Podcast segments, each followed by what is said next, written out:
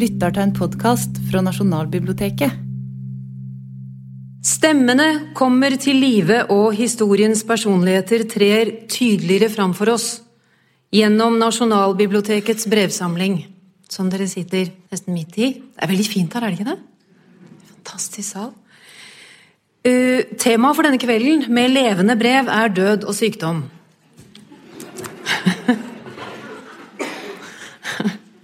Og vi kan også si krise, krig og krangel. Tragedien, de eksistensielle konsekvensene, stormen i et vannglass her og der, det som gnager, sliter og river. I brevene dere hører om litt, er katastrofen reell. Og for dagens mennesker Vi kommer ikke bort fra at kroppen trues fra alle kanter hele tiden. I nyhetsbildet, i kulturen, i krigen, i kunsten, i krangelen.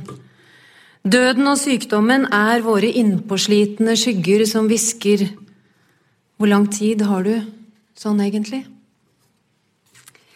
Alt dette kverner vi på gjennom livene våre, i menneskekroppene våre, hver dag.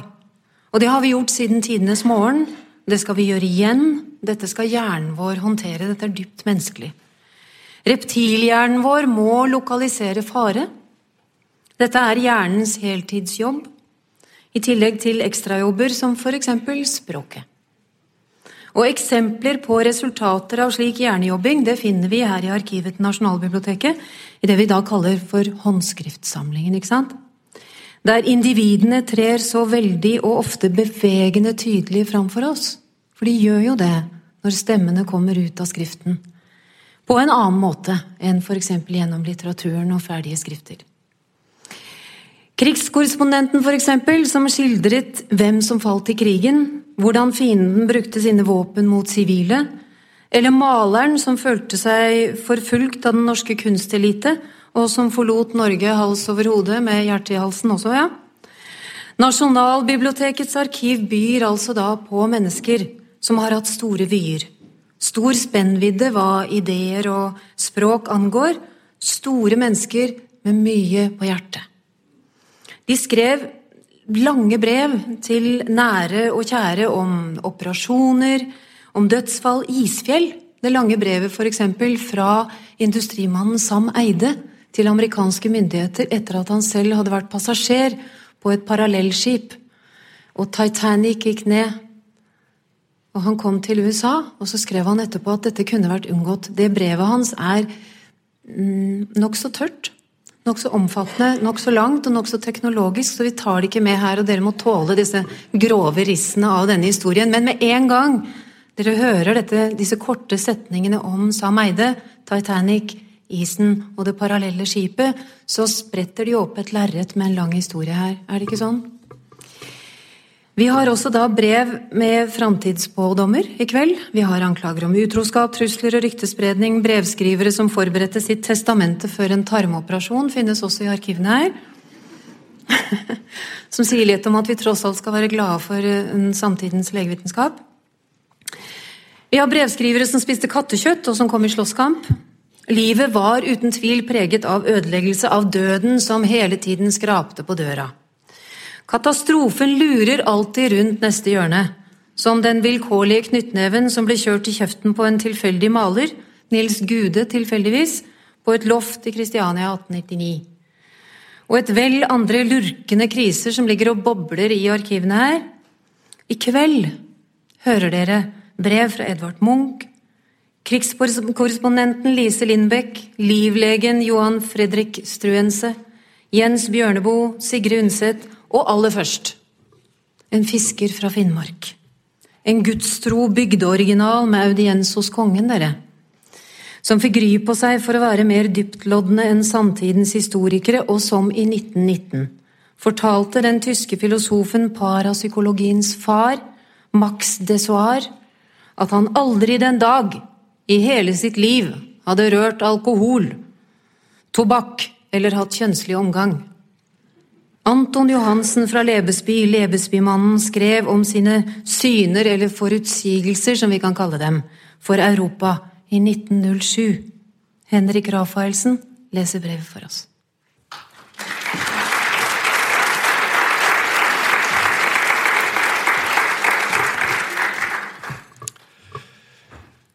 Året 1907, 13. til 14. mars.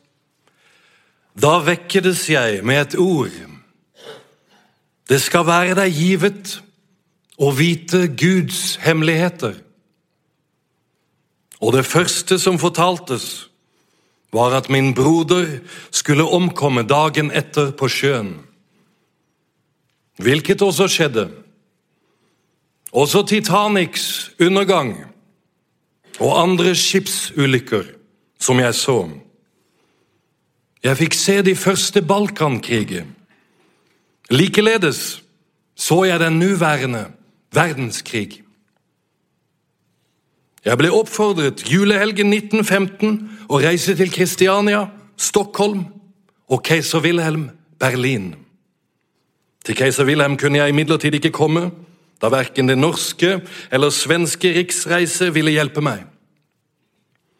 I Kristiania hjalp offiserene for den geografiske oppmåling meg tilbake, så jeg fikk tale med forsvarsministeren. I Stockholm henvendte jeg meg til en oberst Melander, som hjalp meg til rette. Prins Bernadotte gjorde jeg også vitende om mitt komme. Om noen vil skrive til oberst Melander med følgende KFM 16 Stockholm Den nuværende krig skal vare i tre år før den første er sluttet. Men i syv år skal det være krig og uroligheter. I siste krigsåret skal Norge og Danmark være særlig truet av krigen grunnet trykk fra engelskmennene. Sverige synes derimot at våre mindre trykket og truet. I slutningen av den nuværende krig fører England krig med Judea, og takke til om England taper bort Judea. På den tid skal det være meget sykdom og nød blant menneskene. Efter en del år kommer Frankrike og Spanien i krig. Når denne krig er slutt, oppstår nye og hittil ukjente sykdommer som ingen har sett før. Foringssykdommer skal herje forferdelig, og mange andre plager som ildebrann med mer, flere slags gjenvordigheter. I året 1953 skal Norge og Sverige komme i krig med Russland og Frankrike. Nordmennene vil slåss med russerne på Finnmarken. Russerne får til sist overtaket etter et fryktelig mannfall. I Sverige kommer krigen at stå på øen Gotland og byen Göteborg, hvor krigen blir norsk. På samme tid skal østerrikerne være uenige. Jeg hørte tydelig sagt meg at det skulle bli synd på gamle Frans Josef. I Tyskland er det indre urolighet. Russland har ennå ikke fått Polen innen sitt herredømme. Belgien er ikke blevet en selvstendig stat igjen. Holland er i krig med sine kolonistater. England ligger i krig med Irland. Italienerne er hjemsøkte av forferdelige jordskjelv. Tyrken sin makt skal være omtrent tilintetgjort. Til alle dem som benektes at Jesus ikke har vært på jorden, litt og dødt for menneskene. Til ham vil jeg si han tar storlig feil. Anton Johannessen, Lebesby, født 1858 i Vesterbotten, Terna sogn, norsk statsborger, gårdbruker og fisker. Vært med på den geografiske oppmåling på Finnmarken i 25 år, i lag med norske offiserer. Som tillegg bemerkes For menneskenes store ondskaps skyld kom krigen, ble meg fortalt. Grenselinjene efter krigen skulle Vår Herre selv bestemme, likeledes fortaltes meg. I Tyskland var ved krigens utbrudd 50 000 kristelige foreninger. Et tall som ikke fantes i noen av de andre krigførende landene.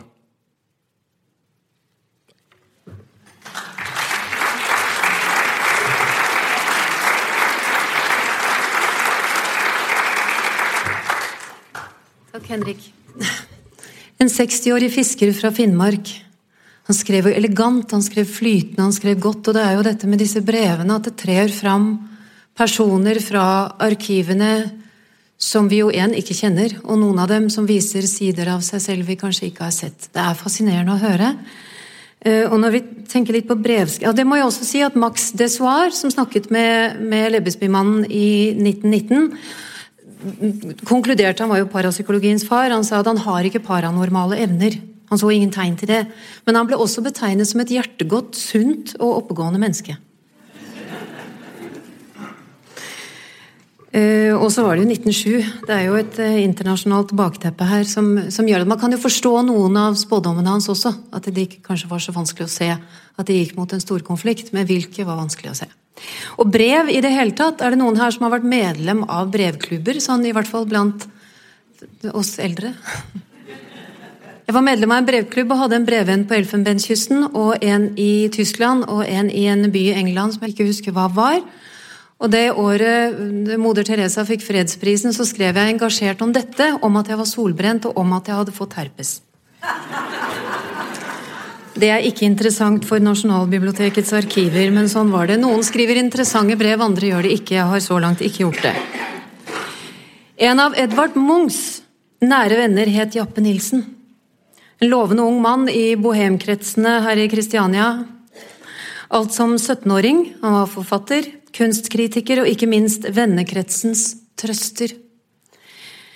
Samt da en av Oda Krogs ulykkelige elskere. Han var ti år yngre enn henne. Hun var gift med Christian Krog, ubeleilig, og Jappe led da i skyggene. Det var synd på Jappe Nilsen, skrev Kjetil Bjørnstad i forordet til Jappe Blues. Noen av dere som husker den? På det musikalske portrettet av Christiania-bohemen Leve Patagonia i 1978. Jeg brukte den som kilde i min særoppgave i tredje klasse på videregående. Siste verset av Jappes blues lyder Imens går jeg alene, lever av min kunstkritikk, skriver litt om bilder, malere som kom og gikk. Munch har sendt noen brever, spør meg om jeg lever. Takk som spør, jeg lever jo, men det er så blått der jeg går. Om noen år er jeg død og kald og borte. Hvem vil synge Jappes blues? Det var Harald Heide Steen jr. som sang. Jappe skrev da om ulykkelig kjærlighet til en ti år eldre kvinne i romanen Nemesis. Munch malte vennen inn i aften, melankoli og sjalusi, så vidt jeg vet. Både Munch og Nilsen var såkalt nervøst anlagt. Det er noe rørende ved det òg. Og da Munch fikk et sammenbrudd og ble innlagt i København høsten 1900 Jeg sier Munch, vi gjør vel det nå, gjør vi ikke det? Jo, det hender det dukker opp en sånn voldsomt svart samvittighet for det der. Men sånn er det. Munch ble da innlagt i København høsten 1908. Og, mens han var der, så arrangerte Jappe Nilsen med flere en separatutstilling av Munch i Blomkvist kunsthandel i Kristiania. Den var særs vellykket. Eh, og Nasjonalgalleriets fremsynte direktør Jens Thies han shoppet en haug bilder til voldsomme protester. Framsynt mann. I København satt Munch på doktor Jacobsons privatklinikk med sorte skyer rundt huet, og i 1909 skrev han til vennen Jappe hjemme i Kristiania. Dere får høre brevet nå straks, men en liten brukerveiledning først for dere som ikke sitter med kunsthistorien som en sånn pop-opp-skilt i bakhodet. Heierdal, som nevnes her, er Hans, Olav, Hans Olai Fremming Heierdal, norsk maler, 1880-1944. Haukland, Andreas Elias Haukland fra 1873 til 1993, 1933, norsk forfatter der.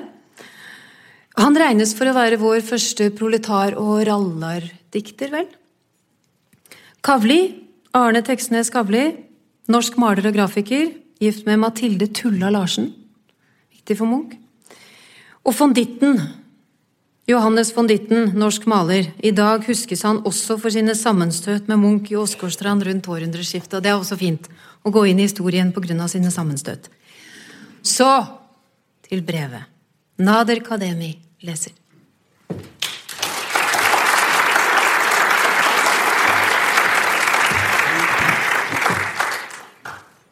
Kjære Jappe. Du kan tro at jeg passer meg. Jeg har mer og mer oppdaget menneskene, og da ser jeg hvilken herslige sider Krog, og selvfølgelig Heyerdahl, har.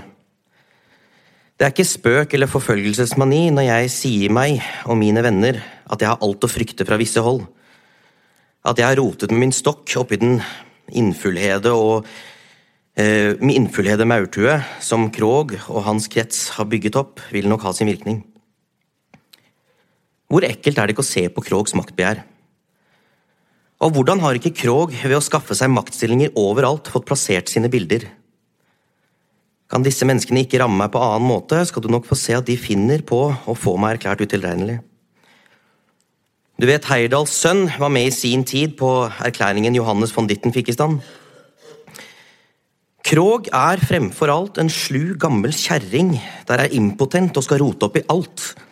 Den gamle provokatøren vil nok kun med sine kvinnfolk skaffe materiale mot meg der jeg har vært så lite aktpågivende og blottet meg så.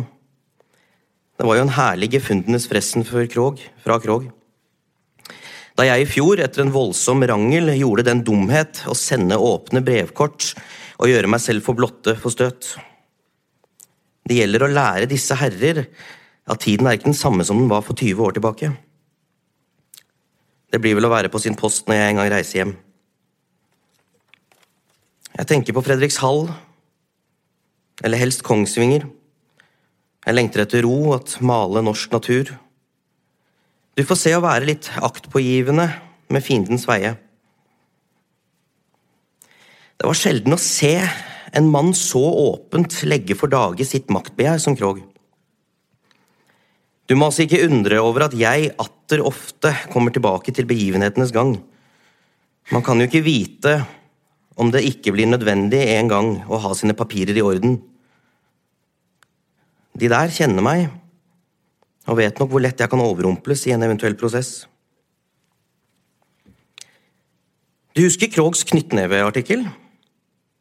Hvor han lyver og mener at jeg har hånet Haukelands far, samt at jeg har overfalt så mange? Du vil vel selv huske hva du selv fortalte meg for mange år siden, jeg tror ti år, du og Krog satt og drakk champagne med Gran Hotels direktør, du husker den jøden? Han brer seg da over meg og forteller at jeg hadde overfalt Nils Gude, mens han satt full på en stol, og at, hadde, at, og at jeg hadde holdt på å kvele han. Dette gikk han om som en intrigant kjerring og fortalte alle mennesker. Saken var slik. Jeg sitter oppe i Det dramatiske forening da Gude reiser seg opp og setter sin senesterke arm under min nese og sier truende Nå skal du kastes ut. Han var slik at jeg tvilte ikke på at dette ville skje i neste øyeblikk. Du vet, han var jo meget sterk på den tiden og jeg den gang meget svak. Så jeg gjorde som japanerne, jeg overrumplet han og la ham på gulvet. Holdt han fast. Jeg holdt han fast da jeg ikke ville gi han anledningen til å pryle meg. Mulig han var full, men det var ikke å merke, og jeg la meg heller ikke pryle av en full mann. Dette gikk den gamle kjerringen og løy om, altså på samme måte som Haukeland. Men når han får et litt grovt brevkort, samler han hele lovens makt, og den store fyren visste at jeg i min nervøsitet ikke kunne forsvare meg. Jeg hadde jo gjort visstnok sanne, men ikke beviselige påstander. Jeg ber deg altså passe på mine brev. Jeg tenker sånn smått på om tre ukers tid å reise opp. Jeg kommer ikke i nærheten av Kristiania, men undrer meg sterkt på hvordan det vil gå. Jeg har jo blitt vant til pleie og utenlandske bekvemmeligheter.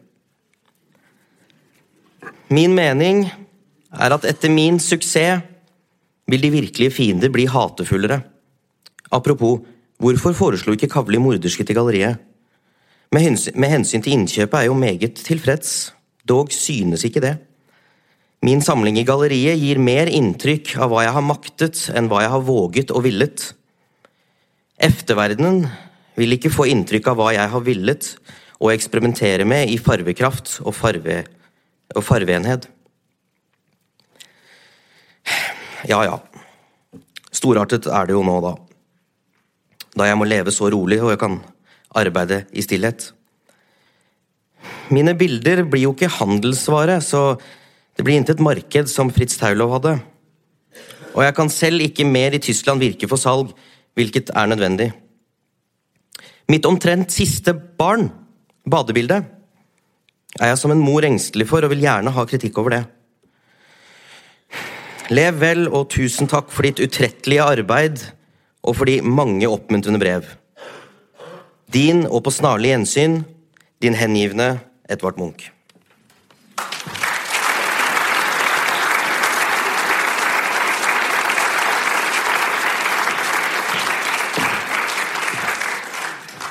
Vårlige solstriper over et plaget sinn i København. Og så gikk alt mye bedre etter hvert. Gå til kilden, sjekk tilstanden selv. Norges første kvinnelige krigskorrespondent Lise Lindbekk tok sin fars motto, også han krigskorrespondent, og revolusjonerte norsk krigsjournalistikk. Under den spanske borgerkrigen på 1930-tallet var hun ofte den eneste journalisten ved frontlinjen. Etter borgerkrigen kom Lindbekk tilbake til Norge og dro snart videre til Frankrike for å bistå spanske borgerkrigsflyktninger i 1939. Den tyske invasjonen gjorde Lindbekk selv til flyktning, og flukten endte da i Casablanca før hun kom seg videre til USA. Hun var borte i seks år til sammen, og hjemme i Oslo ventet datteren Janka, eh, som var ni da hun dro. Og brevene hennes kan dere lese i Sigrun Slapkars Lindbekk-biografi 'Krigens penn'. Den anbefales. Brevene fra Janka er hjerteskjærende. Dette brevet, derimot, er fra Paris, oktober 1938. Lise Lindbekk eh, rapporterte derfra om den spanske borgerkrigen. Og Giske Narman leser.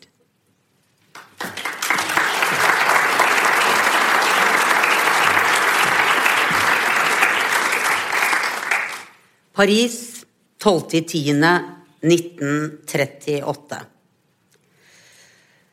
Arbeidernes pressekontor Oslo. Hermed noen korte skildringer om de internasjonale brigaders siste dager. Hvis det ikke interesserer med de svenske og danske navn, så er det jo nokså enkelt å la være å bruke dem. Jeg tror ikke at jeg reiser tilbake til Barcelona ennå under den fryktelige matmangelen der nede. Og uten at jeg har råd til å ta med inn store ekstraforsyninger. Og i betraktning at jeg ikke har bil, og trikker og undergrunnsbane nesten står hele dagen, så er det svært vanskelig å få gjort noe effektivt utover å sende de helt eh, offisielle telegrammer.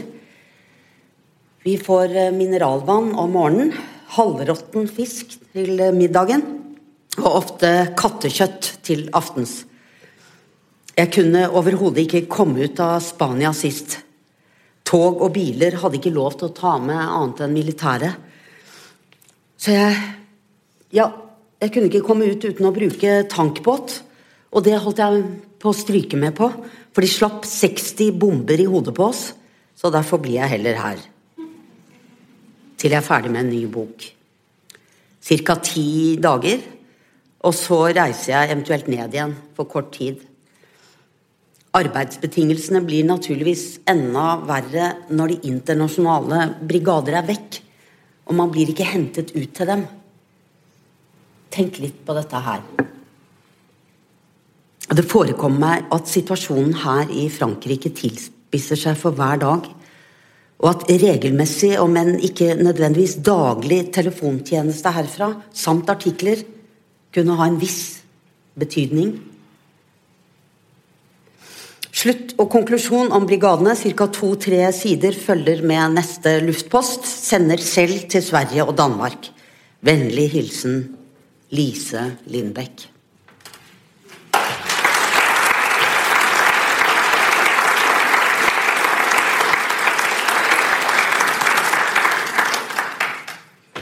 Johan Fredrik Strønse var lege og politiker, og historien kjenner mange av dere. Noen av dere har også sikkert sett eh, filmene som er laget om dette, og lest bøkene og i romanene.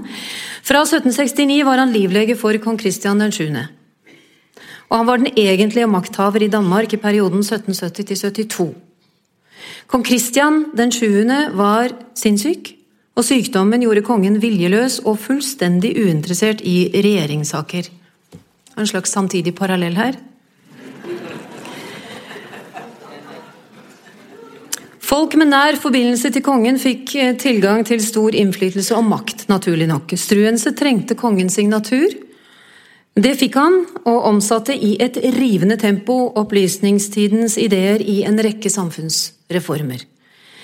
Blant annet opphevet han sensuren, med det resultat at Danmark-Norge i en periode var Europas eneste stat med full trykkefrihet. Han forbød også dødsdom for tyveri, avskaffet tortur som forhørsmetode og fjernet bøtene for graviditet utenfor ekteskap. I løpet av sine knappe to år på det vi kan kalle maktens tinder, utstedte han bortimot 2000 slike forordninger, så han jobba på som bare det. Og dette skaffet ham naturlig nok farlige fiender. Farlige fiender er det overalt, og der kommer reptilhjernen inn, men den hjalp han ikke noe særlig den gangen. Struense kunne imidlertid bare tas for å ha styrt riket på vegne Altså, han kunne ikke tas for å ha styrt riket på vegne av den utilregnelige Kristian 7. For det hadde jo også andre gjort før ham. Kongen var jo helt uten interesse for dette her, og han hadde ikke anlegg for regjeringssaker, naturlig nok. Så han føk av gårde i vogn for å møte sin elskerinne, som var en prostituert med rødt hår. I tillegg til maktmisbruk ble han derfor anklaget for majestetsforbrytelse, og det var langt verre.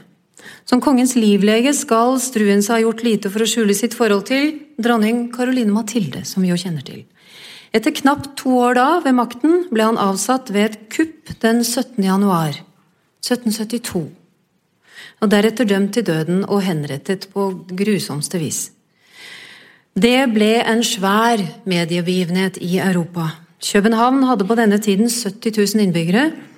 30 000 tilskuere så Struense dø på Østre Felled. Brevskrivingen spilte en viktig rolle som nyhetsformidler på denne tiden. Og De sirkulerte jo blant flere lesere. Og det vi skal høre her, er det arket som nå har gått sin vei.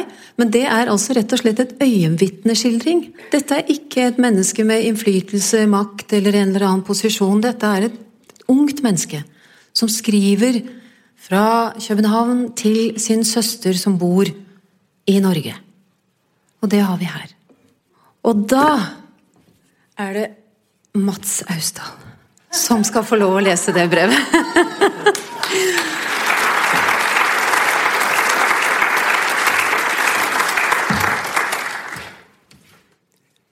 Kjære søster. Dersom jeg hadde villet lyve deg halsen full, så hadde jeg tidligere etterkommet anmodning fra ditt kjærlige brev av 4. februar. Men da jeg ikke vil meddele deg noe utover det jeg vet, så har jeg måttet vente til nå. Men nå kan jeg si deg noe som er sannhet. Ved middag lørdag klokken 11 den 25. april fikk Struense og Brant sin dom. På mandag satte tømrermester Boje Junge opp skafottet utenfor Øster Felled på Bymarken. Det var åtte alen høyt, firkantet og av tømmer og plank, og i tillegg en forhøyning tre kvarter høy. Og tirsdag formiddag den 28. april fant henrettelsen sted, som jeg selv overvar fra den innerste krets, der jeg var sluppet inn for virkelig å se dem i ansiktet. Langt unna skafottet var det en krets fra Holmens makt. Dernest en krets ryttersoldater til hest. Deretter en krets infanterister i trege ledd, og innenfor der igjen nok en krets med infanterister i trege ledd. Og ved inngangen til skafottet sto 20 ryttersoldater. Synderne kjørte i leievogner, og hver hadde, hadde én offiser og én underoffiser hos seg i vognen. Men ingen prest. Brant ankom først og ble ved karetdøren mottatt og fulgt opp av prost He. Brant hilste ikke på noen. Han skrittet frem på skafottet som en skuespiller på teater, og hadde hatt med gullbånd på, håret i pannen krøllet i en stor lokk på hver side, og en liten, stiv flette men ikke noe pudder. En hvit, lang ulvepels og under en sjøgrønn klesdrakt med smale gullbånd og støvler på benene.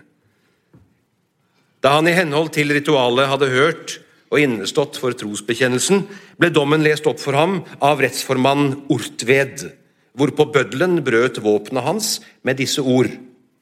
Dette skjer ikke for ingenting, men etter fortjeneste. Deretter ble lenkene tatt av ham, feltjern, og da velsignelsen var lyst over ham, kledde han selv av seg, men ville beholde vesten, som han likevel måtte ta av, og blotte kroppen oventil samt den høyre armen, og spurte derpå skaperetteren om det ikke var således idet han selv la seg ned på blokken og strakte ut den høyre hånden, en hånd han mistet med én øks, og dernest hodet med en annen øks. Og han sa idet han døde, Jesu blod roper for min sjel. Derpå ble han av eh, rakkerknektene partert og hver fjerdedel heist nakne ned med et rep ned i rakkervognen. Derpå trådte struen seg ut av vognen, som imens hadde stått bakvendt mellom de to innerste kretsene. Han hilste en del offiserer som sto ved hans venstre side da han gikk opp. Han sto ovenpå som en arm synder. Han hadde en sort hatt på. Håret var flettet i tre bak men ikke bundet eller festet opp. Og Det så ikke ut til at det nylig hadde vært en kam i det. Forresten hadde han likeredes en lang, hvit ulvepels på, en lyseblå, gammelmodig klesdrakt, hvite silkestrømper og sko på benene. Pastor Mynter talte kun tre eller fire ord med ham da dommen straks ble lest opp for ham. Han kastet straks bort hatten og så ikke engang vekk da bøddelen brøt våpenet hans. Derpå ba han alle som han hadde gjort urett, om forlatelse, ba høyt til Gud for kongen, det kongelige hus og hele landet. Derpå ble han avkledd, la seg på blokken og mistet likeledes hånd og hode og ble dernest partert. Således endte disse to forskrekkelige menn sine liv under bøddelens hånd og ble på Vestre Bymark ved den murede galgen lagt på fire steiler, og hodet og hånden ble satt på en stake i midten. På Branns hode sitter den stive fletten ennå. Noen vil si at Struense ga bøddelen uret sitt, men jeg så det ikke, og tror det derfor heller ikke, ettersom jeg ga nøye akt på alt som foregikk, og var nær nok ved. Samme dag da henrettelsene var forbi, ble justisråd og eldre bror Struense befridd fra sine lenker. Ingen av de henrettede hadde fått lov til å ta avskjed med noen. Dagen deretter, på onsdag, ble skafottet revet av de uhederlige strafffangene og forvart i fengselet. Om det skal brukes mer, vil tiden vise. Hva forbrytelsene deres egentlig har vært, det vet jeg ikke. For sannheten er holdt hemmelig, som rimelig er, og bysladder tror jeg ikke på.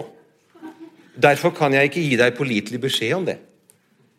Din ærlige bror Valentin Jegersborg den 1. mai 1772. Skrevet i hast ved talglyset, og derfor må du unnskylde min slette skrift.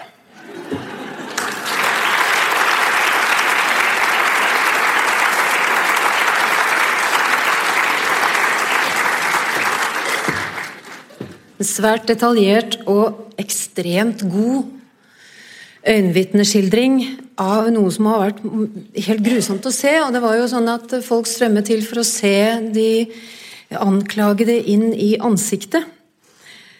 Og så slår det meg altså når vi hører brevet fra den unge mannen til sin søster, som jeg tror bodde i Tønsberg, hvis jeg ikke husker helt feil, at de beskrev jo for folk som ikke så, og at det sier mye om en tid som er litt borte for oss fordi vi ser hele tiden. Vi beskriver mindre og mindre. Vi beskriver i litteraturen og i artikler, og sånne ting, men for hverandre. Hvor mye beskriver vi detaljert? Hvor mye beskriver vi av hva vi ser, av trekk, av stemninger, av farger, av lys? Hvor mange ganger skisser vi opp en tegning eller maler et maleri med ord når vi skal beskrive noe vi har opplevd?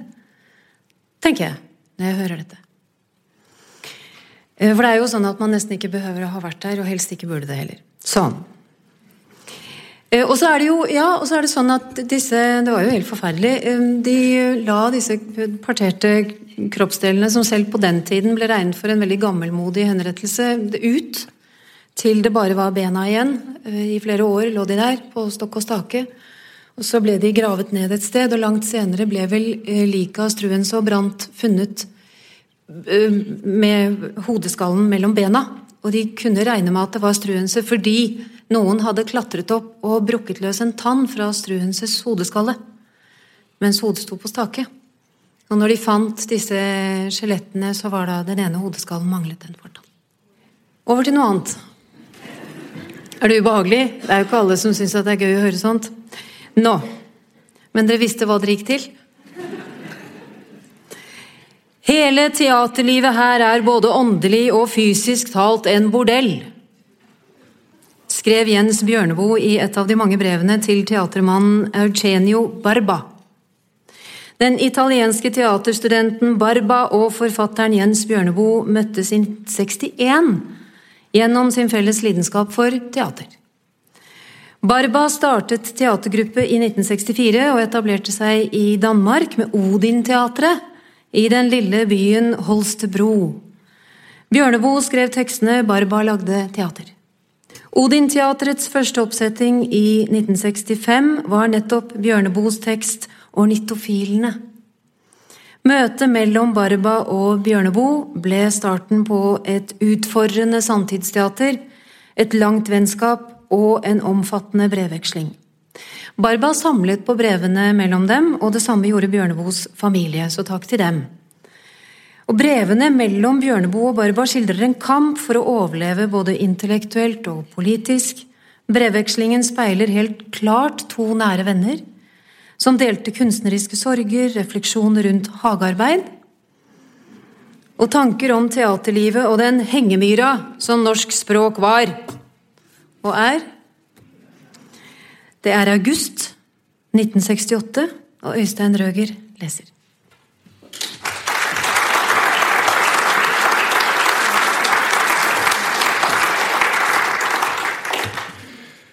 Jens Bjørneboe ved Eufrat, Babylonia, den 17.8.1968.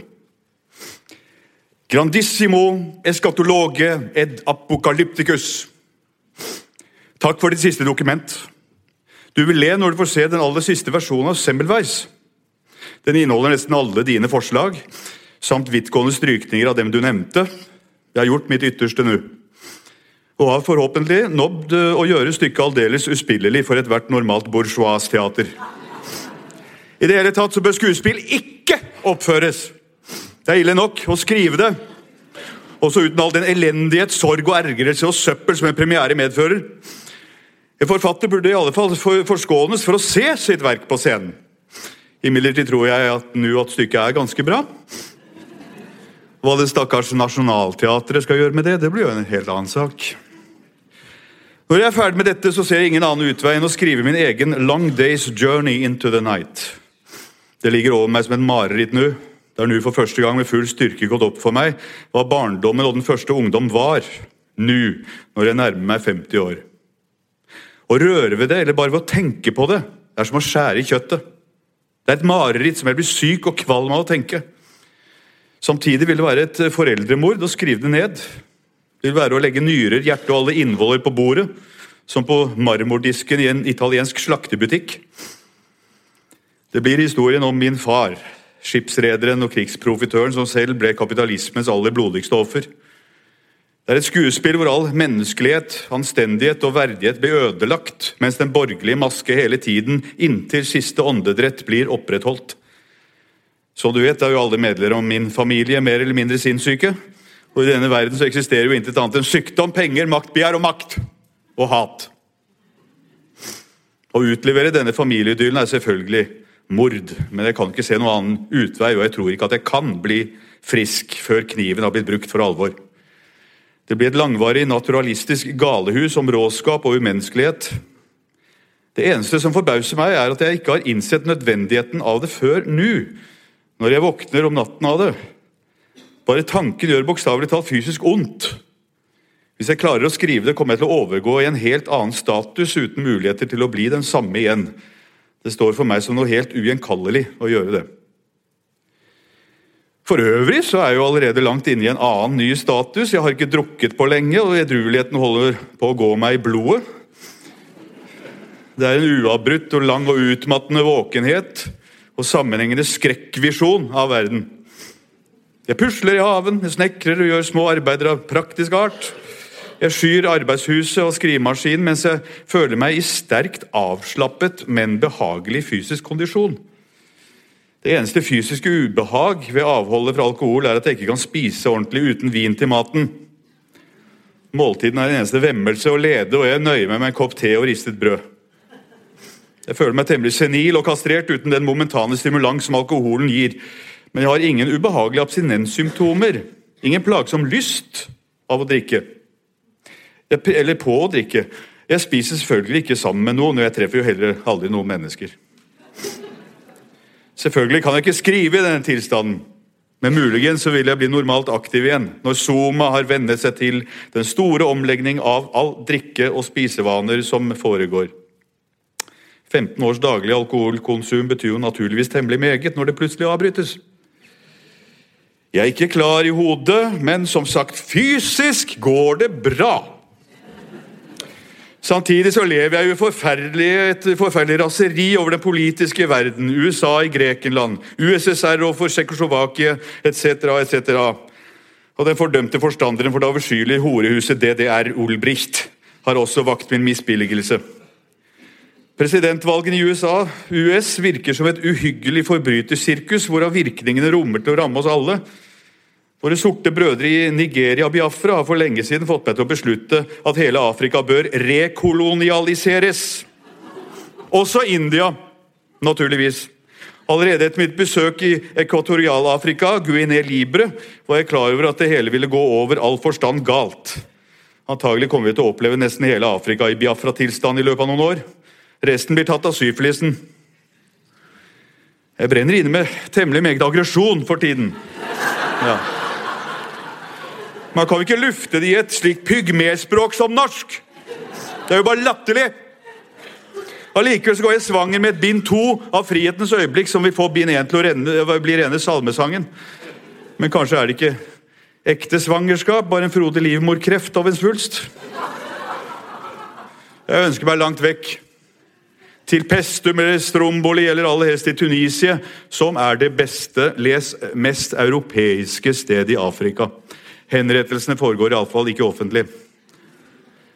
Ellers så har jeg en tilståelse. Jeg er blitt avhengig av den lange springkniven som jeg forærte Olin-teatret. Jeg tror den brakte meg lykke. Jeg finner ikke noen kniv som kan erstatte den.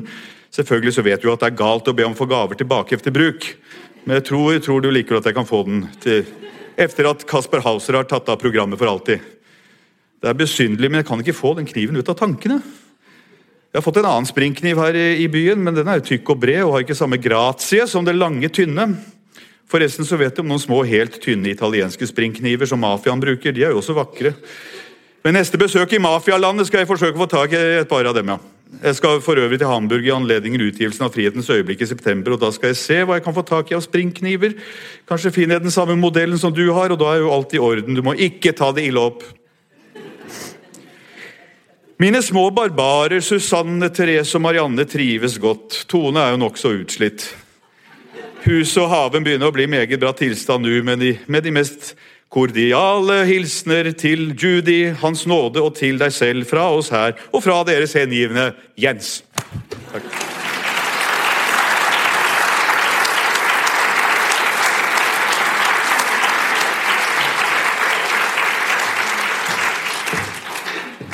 Takk, Øystein.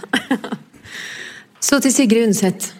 En av våre aller største forfattere. Romaner, noveller, essays, selvbiografiske tekster samt noen få dikt og skuespill har vi fått av henne. Gjennom en svensk brevklubb kom hun som 16-åring i kontakt med den jevnaldrende Andrea Hedberg, DA. De to skrev utallige brev til hverandre.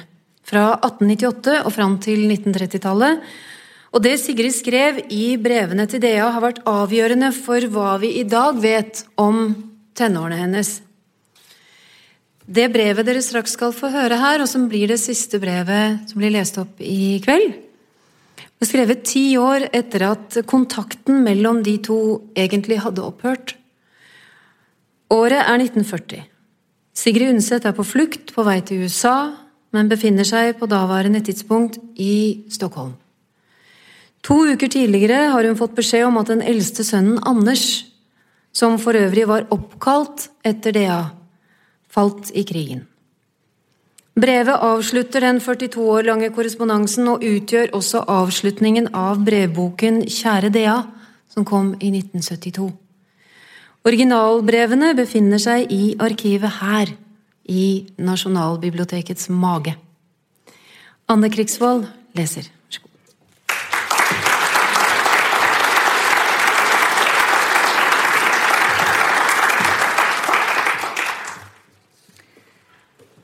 Stockholm 27. mai 1940. Kjære Dea. Takk for ditt brev forleden. Ja, det var også en skjebne at det skulle bli ved en slik anledning at vi to igjen skulle skrive til hverandre.